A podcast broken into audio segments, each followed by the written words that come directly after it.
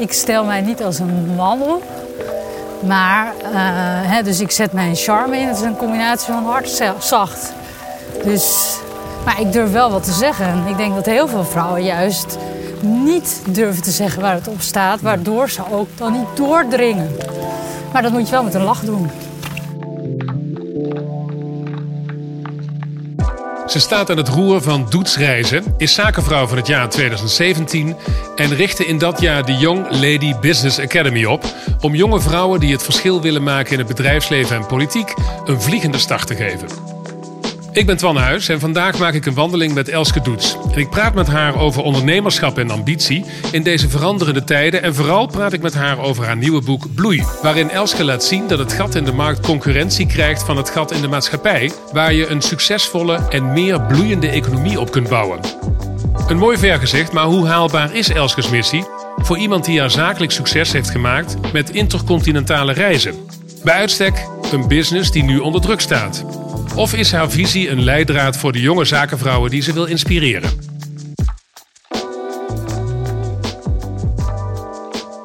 En hoe hard loop je dan? Zo? Nee, geef jij maar tempo aan. Ja, ik loop vrij hard. Oké, nou prima. Dus, uh...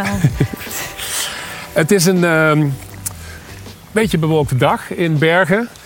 Elske, je bent uh, zakenvrouw van het jaar, was je in 2017. Ja. Dat is ook het jaar waarin je volgens mij je passieproject hebt opgericht, de Young Ladies Academy. Ja. En nu heb je een boek geschreven en dat boek heet Bloei. Klopt. En dat heb ik met veel belangstelling gelezen. Waarom wilde je dit boek schrijven? Um, nou, omdat ik eigenlijk sinds 2017 een soort reis ben gaan maken door Nederland. Uh, dus door die titel van zakenvrouw van het jaar. Dus ik ben op heel veel scholen geweest. Heel vaak in Den Haag geweest. Heel veel lezingen gegeven.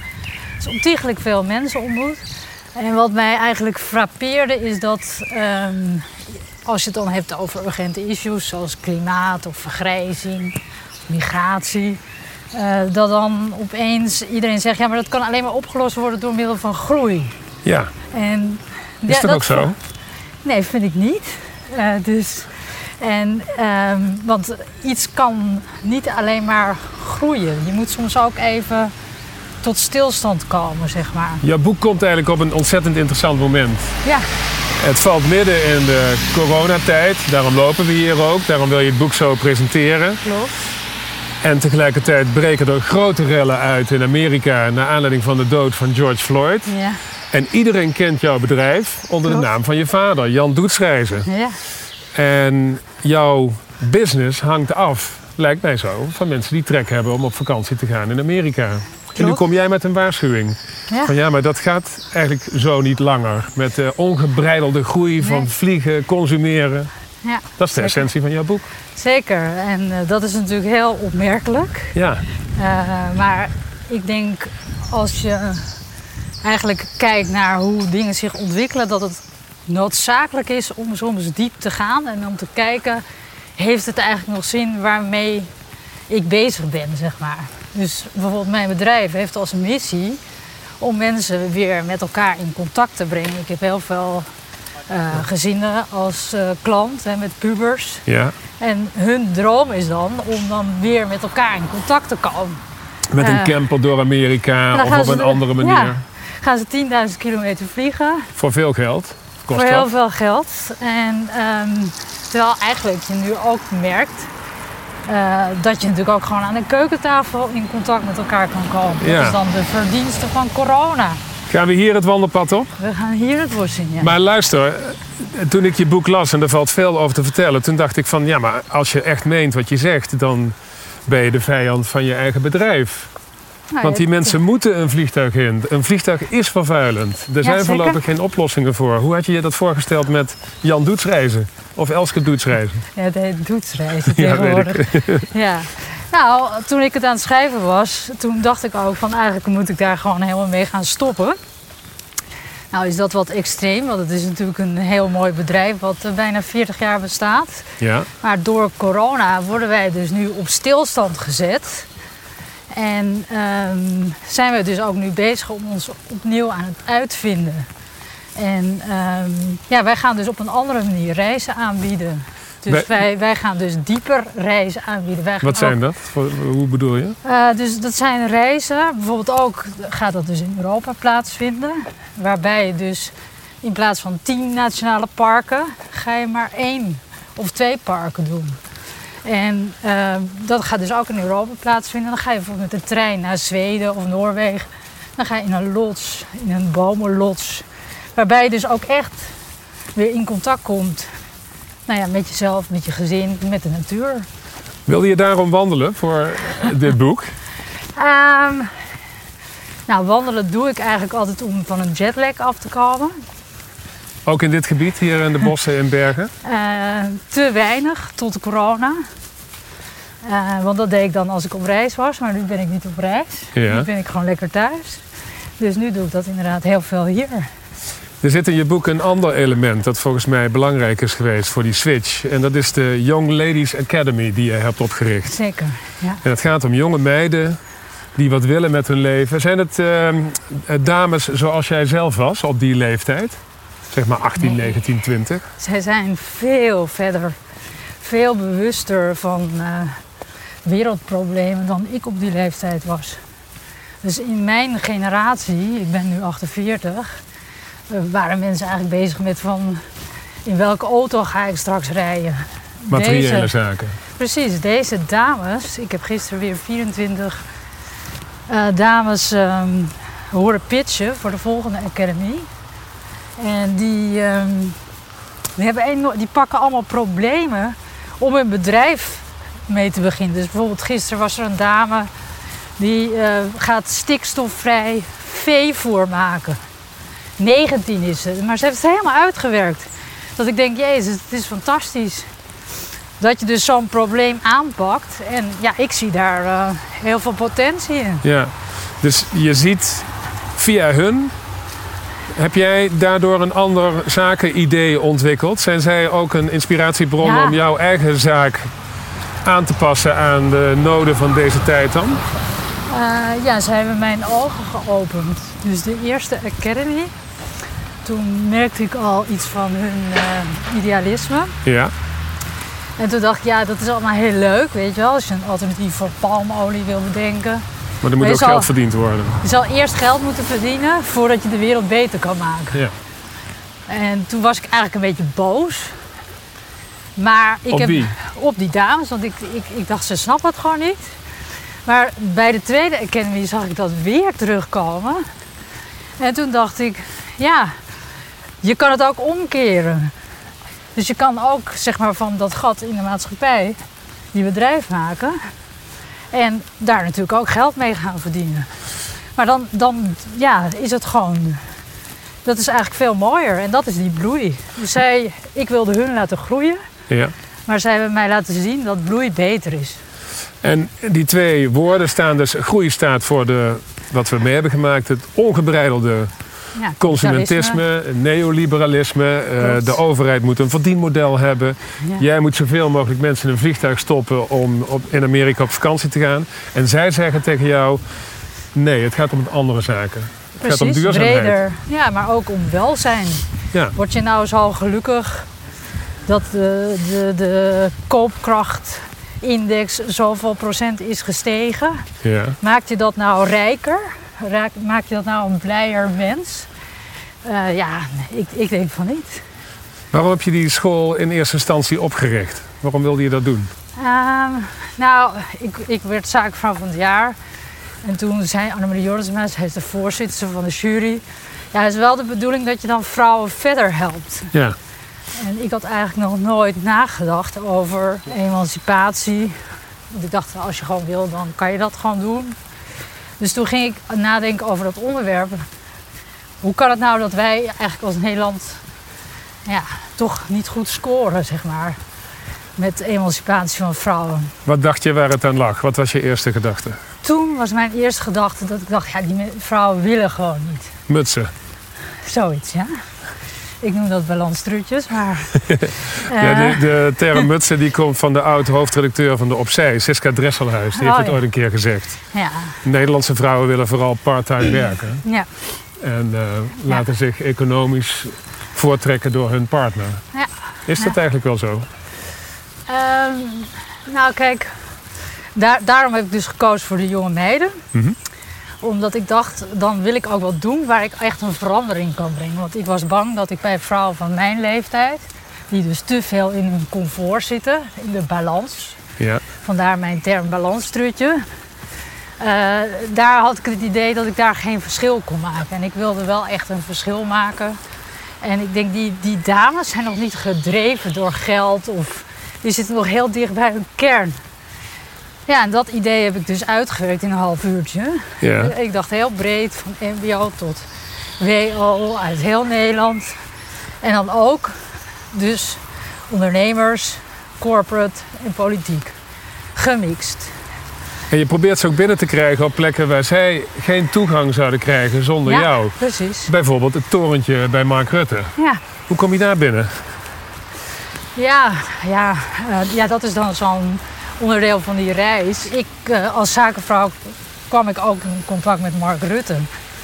En eh, hij zei tegen mij, ja, met die emancipatie komt het helemaal goed. Want er zijn hartstikke veel vrouwen die nu eh, in het hoger onderwijs zitten. Optimistisch als altijd Ja. blaast die problemen ook weg nou, toen natuurlijk. dacht ik, Mark, Dat is allemaal goed, hartstikke leuk dat je dat zegt.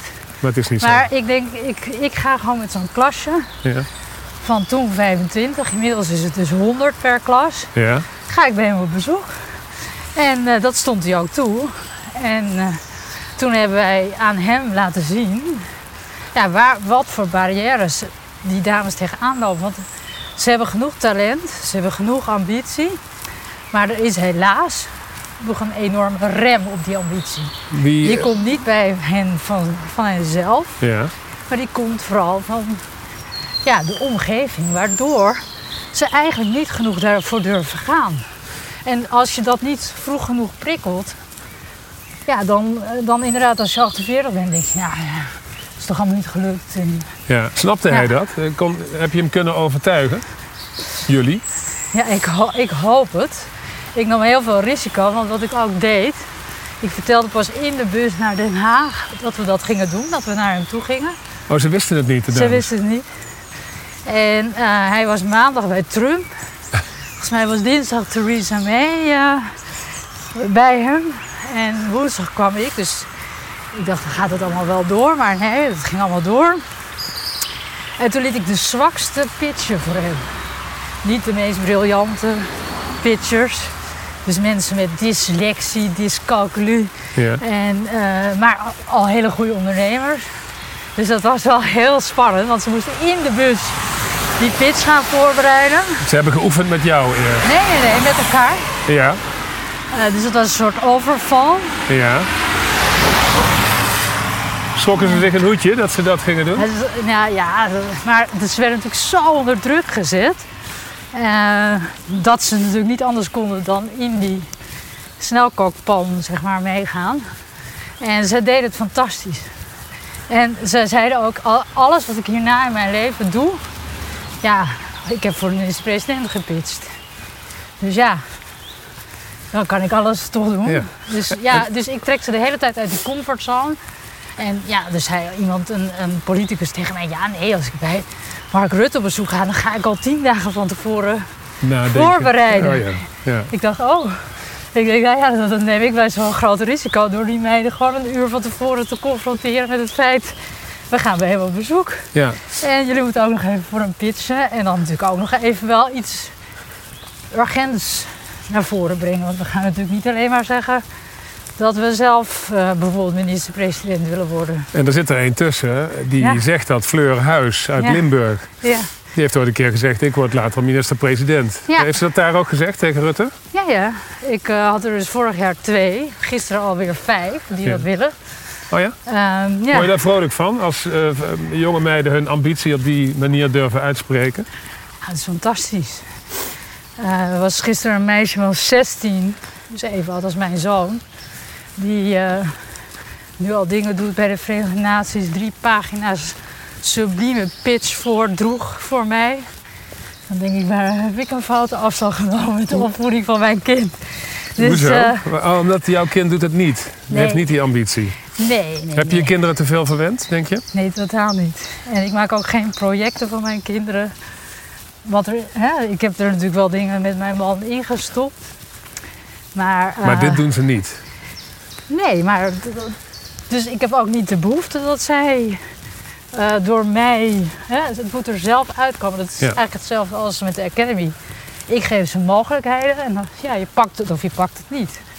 Die, eh, dat blijkt uit alles uit je boek. Die Academy is een inspiratiebron voor jou en voor die meiden. Ja. En tegelijkertijd schop je enorm hard tegen bestaande structuren en organisaties. Bijvoorbeeld, een van jouw partners, kun je toch zeggen, de KLM, krijgt er genadeloos van langs. Ja, vind je? Vind ik wel. Oké. Maar eh, interessant. Wat eh, schrijf je over ze?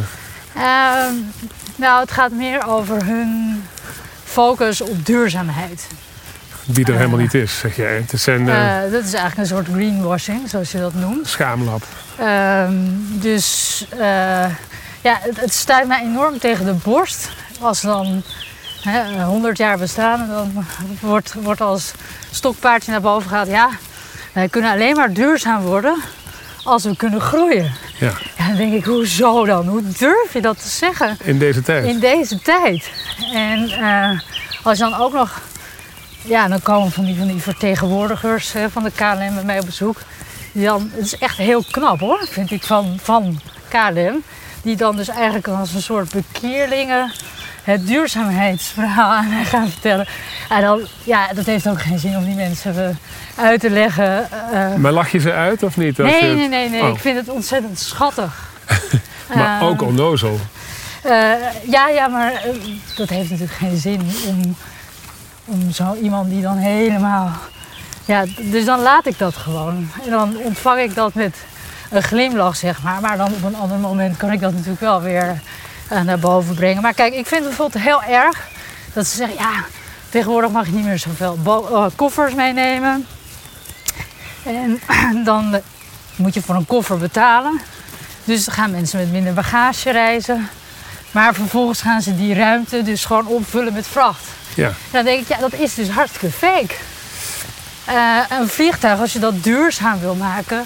Ze hebben nu al voor over vijf jaar komen er allemaal vliegtuigen. Die zijn allemaal besteld nu al. Dus ja, hoe duurzaam zijn die? Dat zou ik graag Ja. willen lezen. Daar Ja. hoor je niets over, zeg maar. Ik snap je kritiek, maar ja, toch. eh, jouw klanten moeten ook in die vliegtuigen. Ja. En zijn dus ook vervuilers. Iedereen die in een vliegtuig stapt, eh, die vervuilt op een gigantische manier. Dat ben ik ook zelf. Ja, je bent misschien wel een van de grootste, want je zal veel reizen voor je werk, neem ik aan. Ja.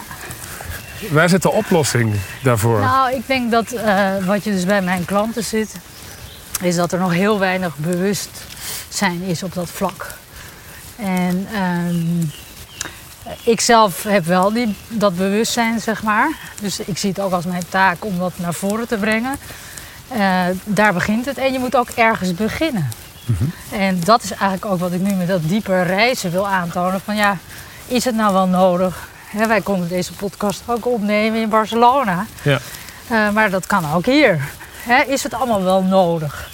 Dus ja, gewoon bewuster reizen. Niet meer als een soort ongecontroleerd alleen maar dingen doen. En dat kan ook een vlucht zijn. Hè? Dat zag ik gisteren ook weer met de young ladies. Ze gaan tegenwoordig allemaal studeren in het buitenland voor een half jaar dit. Maar het is allemaal uitstel van keuzes maken. Oh ja? Ja. Leg uit. Nou, ehm, zij moeten, er zijn heel veel mogelijkheden voor die kinderen.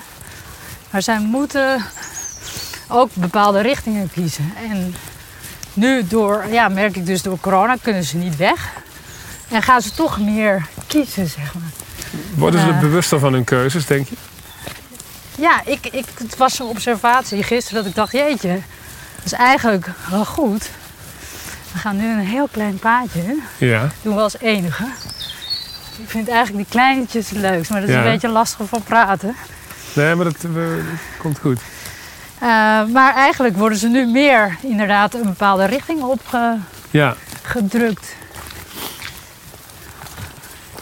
Ik zeg hier natuurlijk ook wat over in mijn boek, hè, over eh, dat je de stip aan de horizon moet hebben, maar dat je soms heel veel zijpaden moet nemen.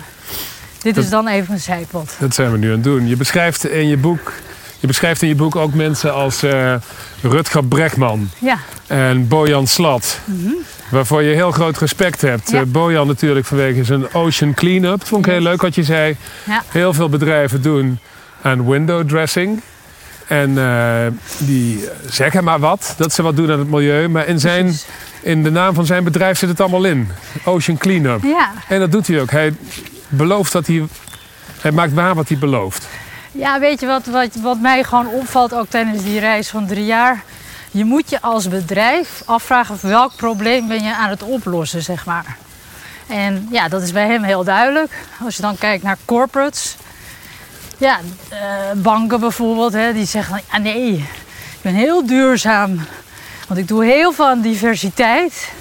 En ik doe heel veel aan het milieu. Want kijk naar ons gebouw. Dat is heel... eh, Hè, boswanden, duurzaam. Ja. Maar uiteindelijk financieren ze wel fossiele industrie. Dat ik denk, ja, dat, ja, dat vind ik dan ook weer heel, heel nep, zeg maar. Wat, En wil die- je, wat, wat hoop je dat mensen die jouw boek lezen eruit halen? Wat is eh, het bericht wat jij wil meegeven? Wat ik wil meegeven is eh, dat er een aantal issues zijn. Eh, hè, dus bijvoorbeeld klimaat. En dat een heleboel mensen eigenlijk niet weten waar ze moeten beginnen. En dat ze eigenlijk de, de verhalen lezen van de young ladies. En dat die eigenlijk een soort besmettelijkheid, positieve besmettelijkheid geven. Dat je gewoon ergens moet beginnen, maar dat vooral heel dicht bij jezelf moet houden. Dat is eigenlijk mijn eh, doel. Dus het boek is voor iedereen Het boek is voor iedereen. die jouw- zich zorgen maakt en eigenlijk niet weet waar ze moeten beginnen. Ja. Wat ga je zelf doen? Je hebt al iets verteld over dat eh, diepe reizen. Wij lopen hier op een wandelpad vlak bij jouw huis in Ja. eh, Bergen. En het Ja. regent een beetje, maar dat mag de pret niet drukken. Het is verder Nee. hartstikke fijn. Kan het zo zijn dat jouw bedrijf Doets omgevormd wordt tot een bedrijf dat eh, vakantiereizen gaat boeken naar natuurhuisjes waar je kunt wandelen en op de fiets naartoe gaat? Ja, zou kunnen. Wij zijn nu dan dicht met treinen bezig. Maar inderdaad, wij zijn die transformatie aan het maken nu, ja. En zo diep durf ik dus te gaan. En, en ik merk dat heel veel eh, ja, grotere bedrijven eigenlijk in een soort kramp zitten. Omdat eigenlijk hun oplossing niet meer bij deze tijd past. Nee, nou, KLM Daar- zal moeten blijven vliegen om, om een beetje geld te verdienen. En ze verdienen al niet veel. Nee. Maar dat moeten ze dus wel wat anders in gaan richten. Dus, Ja. eh, dus en daarin is corona natuurlijk een grote zegen. Want ja, er wordt heel veel capaciteit teruggebracht. Aantal mensen in vliegtuigen wordt teruggebracht. Dus dat is eigenlijk een ramp, maar ook een zegen tegelijkertijd voor onze planeet. Want is het zo positief dat steden als Venetië of Barcelona een soort van platgelopen worden door cruisepassagiers van cruiseschepen? Ja. Ik denk het niet. Heb je een goed gevoel voor timing? Hoe bedoel je in het algemeen, timing? Ja, in het algemeen. Ja, dat zeggen mensen over mij. Ja, ik heb een heel hoog tempo. Ik ben snel verveeld. Ongeduldig. Eh, dus ik... Ja, op een gegeven moment dan voel ik... ja, dat dat gaat spelen. Maar soms weet ik dat nog niet echt. Bijvoorbeeld vorig jaar ging dat hele quotum van de vrouwenquotum spelen.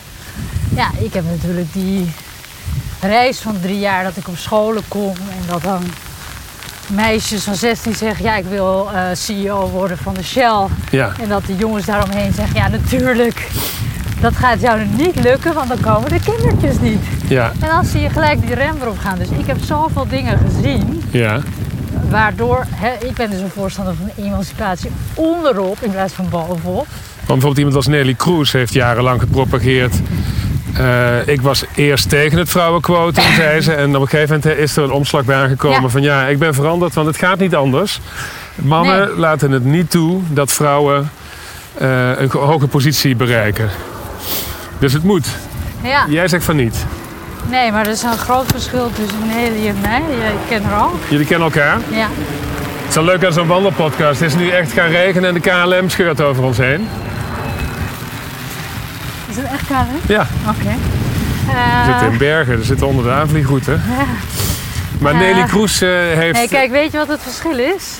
Zij benadert het heel erg hè, vanuit haar politieke focus, zeg maar. Ja. En ik benader het echt vanuit mijn contact met al die dames hè, die dus aan het begin staan. En ja, dus ik heb eigenlijk die realiteit heel erg in mijn hand. En ja, ik, ik eh, ben het niet met haar eens. En ik vind het heel zonde dat in de corporate wereld er te weinig vrouwen zijn die zichtbaar zijn. En eh, dus het- om het feit dat zij grijze muis zijn, hebben we dan nu een quotum nodig. Ja, een zetje in ieder geval. En eh, vrouwen Ja. hebben een zetje nodig om op de plek van raad van bestuur te komen, raad van commissarissen, CEO.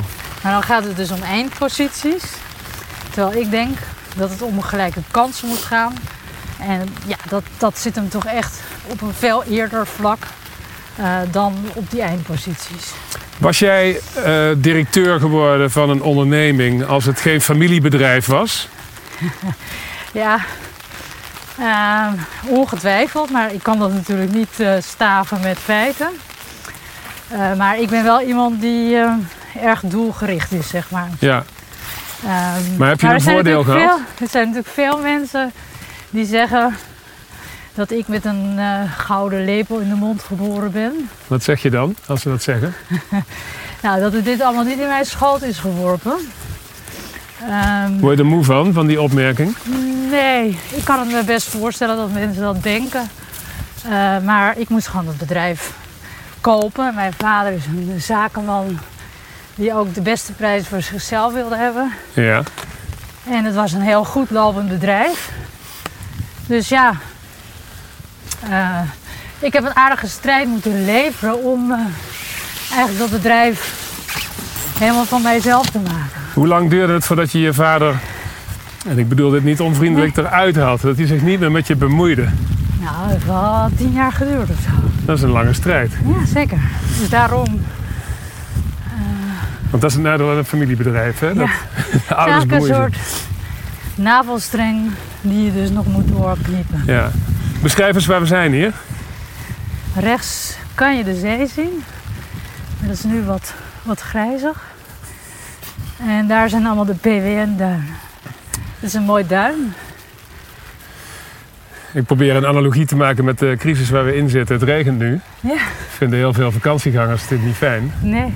Maar het is al eh, twee maanden kurkdroog in Nederland. Ja, dus het is nu inderdaad het moment dat er een kantelpunt is volgens jou. Ja. Vertel. Nou ja, als het niet gaat regenen, dan staan, staat de hei, die hier ook eh, groeit, Ja. eh, die, die verbrandt. Ja. En die gaat niet meer bloeien. Nee. En het, de- ik vroeg jou net, heb jij een goed gevoel voor timing? Want toen ik je boek las, dacht ik van je hebt een goed gevoel voor timing.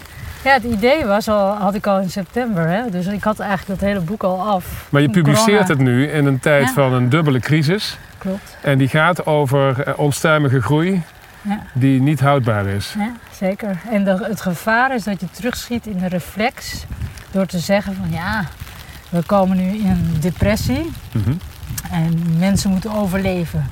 Dus er kan nu geen ruimte zijn voor bloei, want dat zijn zachte waarden. Maar ik denk dat, dat juist die bredere blik, dat dat de oplossing is om nu naar hè, dus over dat kantelpunt heen te gaan. Want als je de hele tijd hetzelfde blijft doen, dan ehm, ja, moet je maar afwachten of dat inderdaad eh, passend nog is. Ik denk dat dat eh, nu wel heel duidelijk is, zeg maar. We zijn even doorgelopen het bos in, want het, eh, het regent pittig. En daarachter op de duinen was de wind wat sterk. Maar goed, we hadden het over de, de analogie. Dat je nu ook in een tijdperk zit in de natuur die onder druk staat. Het regent nu, eh, dat is goed voor de natuur. Maar er zijn natuurlijk enorme bedreigingen als het gaat om eh, milieu en klimaat. En daar Zeker. beschrijf jij over in je, in je Ja. boek. Ja. Dat we niet langer zo door kunnen. Nee, en de urgentie is heel groot. En ik ben heel bang dat eh, dat, dat toch te langzaam gaat. En dat zou ik heel erg vinden. En eigenlijk kan je ook zeggen dat de, de aarde gaat ten alle tijden terugslaan. Wij zijn maar een soort gast daar. Heb je die indruk dat corona bijvoorbeeld... Het is een wake-up call. Dus eh, absoluut. Ja, Eh, wij zijn te mobiel en wij halen onze spullen natuurlijk ook alleen maar van ver. Hè, voornamelijk China. Ja. Ik zou het echt heel goed vinden Als wij gewoon veel meer zelf gaan produceren. In Nederland. Ja, en dan eh, bied je ook gelijk heel veel kansen aan mensen die nu eh, eigenlijk buiten de boot vallen. Hè? Ja. Eh, ja, en dan moeten we meer betalen voor een mondkapje. Maar dan zijn we wel minder kwetsbaar. En we helpen kwetsbaren die nu buiten de boot vallen. Ik wil die nog één ding vragen. Ja, Ehm, over timing gesproken. Dat zei ik al tegen je. Ja. Het boek is goed getimed. Ja. Een van je hoofdstukken in het boek gaat over inclusiviteit. Over het feit dat eh, mensen met een andere huidskleur, eh, vrouwen, eh, minder kansen krijgen. Ook dat is interessant, want daar gaat het nu over, het debat. Wereldwijd plotseling door de tragische dood Ja. Ja. van een man van 44, George Floyd in Amerika, die vermoord is door de politie. Ja. Denk jij dat, er een, dat het debat nu vaart gaat krijgen door de ontwikkelingen in Amerika die zich over de wereld verspreiden? Nou, ik, ik hoop het. Eh, ik zie op het gebied van. eh, eh, als je dus kijkt hè, dus naar diversiteit. Helaas tot nu toe nog erg veel kunstmatigheid. Dus. dus ja, Is dat vergelijkbaar met wat je over de KLM zegt? Ze prediken duurzaamheid, maar uiteindelijk is dat toch. is het vaak. Ik heb wel eens een lezing gegeven bij een grote financiële instelling. Die wilde eigenlijk het wonderrecept van mij hebben voor diversiteit. Ja, Eh, maar dan wordt het een soort buiten suikerlaagje. ja. Terwijl ik denk, nee, ehm, ik heb met mijn academy gezien, door die diversiteit toe te laten, dat dat, dat heel, eh, heel veel kan opleveren. ja. Het heet. ehm, Eigenlijk krijg je een soort, je wordt wel een beetje ongemakkelijk in het begin als je dat dus toelaat, want diversiteit gaat niet om kleur of seksen. Het gaat eigenlijk om dat jij gewoon anderen, hè, dus van binnen anders toelaat in je bedrijf. En dat je elkaar kan aanvullen. En, ehm, maar dat betekent ook dat je dan, hè, bijvoorbeeld tijdens zo'n academy, als er dan dus allemaal verschillende types zijn, dat ik dan denk, oeh, maar pas na die wrijving krijg je die glans. Maar dat is wel hard werken. Dat is niet een kuppensoep, eh kuppensoep die je zo even heet water opgooit en het is eh, gefixt. of je meldt je bij een eh, bureau dat het voor je kan oplossen. Want die zijn er Ja. natuurlijk ook als paddenstoel uit de grond gestoten. Zeker, zeker. Wij brengen wel iemand langs bij je. Ja. Nou ja, als je kijkt naar het quotum is het natuurlijk best triest dat werving- en selectiebureaus die hun geld verdienen eigenlijk ook inderdaad met die diversiteit brengen. eh, champagne gaan drinken omdat er een quotum is. Terwijl zij toch eigenlijk heel erg gefaald hebben. Ja. Want zij zouden het moeten fixen. dus ja, dan denk ik, oké. Is dat nou zo'n feestelijk moment? Je hebt uitgesproken ideeën, dat blijkt uit het boek. Eh, je hebt een missie, die heb je in werking gesteld via een jonge generatie meiden. Overigens, wat doe je als een jongen zich meldt bij je academy? Dit, het concept is dus echt voor vrouwen. Maar Lekker inclusief. Dat is inderdaad heel erg fout, hè? Eh, maar ik ga nu wel voor het eerst masterclasses laten geven door heren. Oh ja? Ja. Omdat als je ook uiteindelijk eh, succesvol wil zijn, je ook samen moet werken. En niet moet hè, die, die mannen van die apenrots moet gaan afschoppen. Je moet juist zorgen dat je met ze samenwerkt. Dus daar gaan we dus ook aandacht aan besteden. En waarom laat ik bijvoorbeeld in mijn academy geen mannen toe? Dat is natuurlijk zo geboren. Ja. Maar ik heb twee zoons en ik zie elke dag aan die keukentafel, die is nogal heilig voor mij, eh, dat zij gevechten met elkaar hebben over wie neemt de hoogste positie in. Dus machtsspelletjes hebben ze. Ja, ik, ik bemoei me daar niet mee, ik observeer het alleen, maar dat is eigenlijk wat, ja, wat je ziet, wat, wat, eh, wat mannelijk is. Dus waardoor ze ook makkelijker op posities komen. Als op zo'n jonge leeftijd, uit, in jouw eigen gezin, dat blijkt dat, die, dat dat DNA, het mannelijke DNA, zo sterk is dat die apenrots een hele belangrijke functie speelt. Ja. Onvermijdelijk. Ja. Denk je dat het überhaupt mogelijk is om, Maar ik eh, moet even mijn veter doen. eh. om, om daar verandering in te brengen? Dus Venus en Mars zullen elkaar nooit treffen. Nee, het gaat juist om die samenwerking en het toelaten van elkaar. Hoeveel Dus vrouwen en mannen, wat is de verdeling in jouw bedrijf? In mijn bedrijf heb ik voornamelijk vrouwen. Dus op mijn, in mijn bedrijf is het, eh, moet ik een omgekeerde diversiteit toepassen. Heeft dat te maken met het feit dat mannen jouw leiderschap moeilijker accepteren? Denk je dat? Dat denk ik. Oh. En je bent uitgesproken. Veel mannen vinden dat niks. Oh, oké. Nou, weet je dat ik eigenlijk heel veel goed samenwerk met mannen. Want uh, mijn directieteam is bijvoorbeeld ook twee mannen, twee vrouwen. Um, dus ik vergis me, het gaat wel goed bij jou. Ja, want ik stel mij niet als een man op. Maar, uh, hè, dus ik zet mijn charme in. Het is een combinatie van hard zacht. Dus, maar ik durf wel wat te zeggen. Ik denk dat heel veel vrouwen juist niet durven te zeggen waar het op staat. Waardoor ze ook dan niet doordringen. Maar dat moet je wel met een lach doen. Kill them with honey. Ja, zoiets, ja. ja. Zeg, uh, Elbos, CEO van de KLM, stapt op. Ja. En jij mag zijn baan overnemen. Wat verander jij morgen aan de KLM? Of vandaag nog liever? Ehm, nou, ik zal heel wat uh, blauwe franje weghalen. Dus daar bedoel ik mee arbeidsvoorwaarden en waardering. Want dat is niet meer van deze tijd. Salarissen zijn te hoog? Ja, als je dat vergelijkt met andere airlines over de wereld. Ik zou ook veel meer aan diversiteit gaan doen. Een uh, luchtvaartmaatschappij als United Airlines is daar veel succesvoller in. Uh, die heeft zelfs transgenders achter de stuurknuppel zitten. Dus ja, ik zou dat. En ik zou natuurlijk heel erg inzetten op een duurzame vloot. Waar, hè, waar mogelijk. Want vliegen is natuurlijk niet duurzaam in zichzelf. Maar ik zou dus wel radicaal en ook de afhankelijkheid van de hubfunctie van Schiphol. heel veel Nederlanders denken dat Schiphol zo mooi is voor ons. Maar dat is gemaakt voor de hubfunctie van KLM. Uh, hè, dus, dus dat veel mensen uit Azië of Afrika overstappen en dan uitwaaien uh, naar de rest van de wereld. Ja. ja. Dus dat is eigenlijk heel onnatuurlijk, zo'n klein landje. We zijn eigenlijk een soort hoekje van een envelop dat wij dat als functie moeten hebben.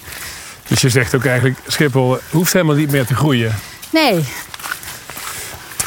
Maar ja, het boek is er nu. Het, het, het, boek is er. Ja. Uh, dat, dat presenteer je nu aan de hand van deze wandeling. Je hebt de Academy opgericht. En je hebt nog steeds uh, doetsreizen. Maar ja, er kan geen kip uh, naar Amerika op dit moment. Als je het al zou willen. Want zo leuk is het daar niet. Om daar nu naartoe te gaan, om vakantie te vieren. Dat is tijdelijk, hè. Dat is tijdelijk. Die... En in het Nationaal Park zijn uh, geen rellen, hè. Mijn klanten gaan naar nationale parken. Ja, die zitten in Yellowstone en in ja. Yosemite. Ja, kan En dat speelt schoon natuurlijk. Tuurlijk. Dus, dus je moet ook alles even met perspectief zien. Dit gaat over. Ja, nou ja, corona gaat niet aan een minuut over, maar die rellen, ja, dat is niet, niet een reden om, uh, om niet te gaan. Het is heel goed. He, want de, de, de, ik ben zelf ook heel vaak in de Deep South geweest. Nou, daar uh, ga je nog wel eventjes uh, terug tot de burgeroorlog. ja, dat, is dat je denkt in welke... Apartheid Zuid-Afrika. Ik was daar tijdens de, dat de Brexit werd, werd gekozen. Ja. En toen hadden de mensen daar in Mississippi het over, uh, over uh, de burgeroorlog. Dat er een verschrikkelijke slag bij Vicksburg was geleverd. Een jongen van 21 dat ik zeg, uh, sorry, in welk, welke eeuw leef jij, zeg maar. Maar hij leeft, in die, hij leeft dat leven. Was het een zwarte jongen of niet? Nee, een witte jongen. Oké. Okay. Ja. Nou, heftig om te zien. En als je ongeduldig bent zoals jij, je verveelt je snel, dan. En je bent veel te jong om altijd hetzelfde te blijven doen. Ik zie jou niet de rest van je leven een reisbureau leiden. Ik denk dat er iets anders moet komen om jouw ja, die, uh, ongeduldigheid te bevredigen. Klopt dat? Nou ja, dat zou goed kunnen. Daarom heb ik nu ook wat andere activiteiten ernaast, hè? die steeds groter worden. Zou het zo kunnen zijn dat je activiteiten zich misschien verleggen van een reisbureau naar een academy?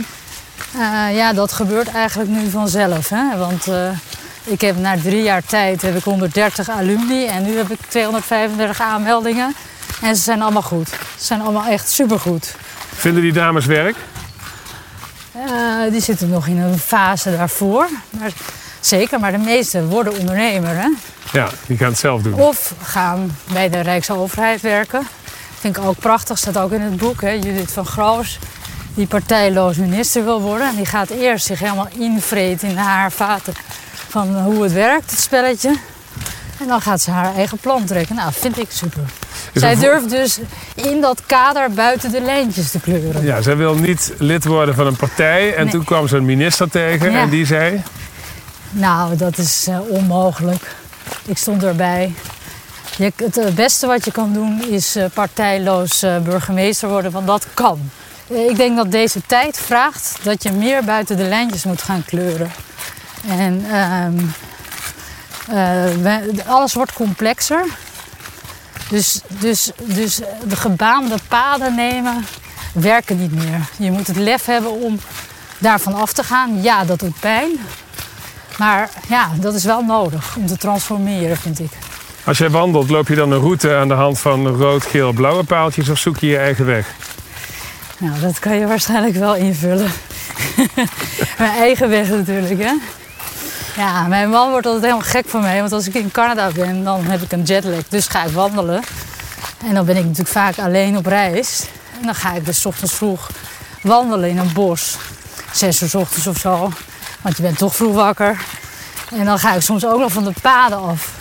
Omdat ik wel een redelijk goed richtingsgevoel heb. Uh, ja. En dan zegt hij, hoe kan je dat nou doen? Je kan allemaal beren tegenkomen. En ik zeg, nee, maar het is toch goed gegaan? Volgens mij zijn we bijna rond. Het is me duidelijk dat jij... Je kiest je eigen weg. Je houdt niet van uh, bewegwijzering. En daar floreer je bij. Over tien jaar... Ik weet niet of jij in plannen denkt. Waar sta je over tien jaar? Waar zou je terecht willen komen? Ja, dat gaat het per se over mijzelf moet het gaan? Of uh, over mijn missie, zeg maar? Allebei. Nou, ja, ik hou niet zo van masterplannen. Ik heb natuurlijk wel uh, bepaalde beelden, maar ik wil graag in beweging blijven. Uh, dus, dus, en dingen ja, observeren en ja, dan daar iets mee doen. Dus daar word ik heel blij van. En mijn missie natuurlijk met de Young Lady Business Academy. Uh, en zorgen voor eigenlijk emancipatie van onderop. Ja, dan kunnen we over tien jaar natuurlijk zien wat dat heeft uh, opgebracht. En ik weet dat mijn missie gaat dieper, dus duurt langer. Maar dat moet je accepteren. Als je een duurzame verandering wil creëren, kost tijd. Kost dat meer tijd. Je hebt twee zoons. Had je graag een dochter gehad? Nee, het zal zonder. Eh, ik, ik ben echt een meisje-meisje. Er zal een reden zijn waarom ik jongens heb gekregen. Dus, uh, want zij triggeren mij heel erg op het gebied van lef. Want ja, Vroeger vond ik het eng om de tuin uit te gaan toen ik uh, meisje was. Serieus? Ja. Uh, en zij hebben mij heel erg... Zij lachen mij regelmatig uit als ik iets niet durf op het gebied van sporten. Dus Geef zij trekken mij... Wat? Nou, dan zijn we in Canada en dan zijn we het skiën bijvoorbeeld. Dan is het mistig. Dan zeg ik, jezus, het is allemaal wit. Alles is wit. Zie niks. Ik kan niet snel gaan, want zij gaan natuurlijk snel, dat snap je. Ja. Uh, ik zeg, ja, maar ik heb oh. wel een bedrijf, hè. En dan lacht ze me keihard uit en denk oké, jullie hebben gelijk. Ik, ik, moet gewoon gaan. dus dat is de beste management training die je kan krijgen. Ja, dus uh, no guts, no glory, zeg maar. Ja. Maar nu verras je me toch nog aan het einde van deze wandeling met de opmerking dat je als klein meisje niet eens de, tijd, de tuin uit durfde. Ja. Wat is het beslissende moment geweest waarop dat is veranderd? Oh, dan? nou ja, dat, dat, is een beetje dubbel. Want op mijn achtste ging ik wel. Uh, uh, had ik een fiets gekregen. En toen ging ik wel de hele buurt al verkennen. Uh, dus kende ik ook elk steegje, elke straat. Dus toen ging ik ook op reis. Maar ja, laten we zeggen dat ik dan wel wat gespleten eh, daarin ben. Op bepaalde momenten moet ik even een duwtje hebben. Um, en op bepaalde momenten ben ik dus heel uh, radicaal en ga ik. En dat is wat je nu doet bij die meiden op die Academy. De beslissende duwtje proberen te geven. Ja, ja, zij moeten dan ook van mij bijvoorbeeld op tafel springen. En dan zeggen ze, ik heb wel eens een lezing gegeven. Bijvoorbeeld bij de hogeschool, uh, Hoge Hotelschool in Maastricht. Er zaten jongens en meiden in de zaal. Het ging over leiderschap, die lezing. En toen zeg ik, oké, wie durft er op deze tafel te springen? Nou, er stonden natuurlijk drie jongens op en geen uh, dames. En toen daarna bleven de dames allemaal zitten, omdat ik over mijn academy ging praten. En uh, toen zeiden zij, waarom deden wij dat niet? Dus zij stelden die vraag aan mij. Ik zeg, ja, dat is een goede vraag. Eh, want ik zeg, kunnen jullie het dan niet? Toen zeiden ze, ja, we durven het niet. Ik zeg, oké, nou dan gaan jullie het nu doen. En ze konden het natuurlijk, dat snap je. Ja. Dus ja, dat is het gewoon. Dat is heel iets kleins, maar ook weer heel groot. Ja. Hey, dankjewel voor deze mooie wandeling door de Nou, bossen van. Bergen, ondanks het weer. Ja, dat is prachtig, hè? Ja, Heb je wel een beetje om je heen gekeken? Te weinig, maar Ja. dit is... eh, ik zie wel dat het eh, waanzinnig is. Ik ken bergen, bergen aan zee, het strand, maar dit kent ik niet. Meer weten? Ga naar elskedoets.nl.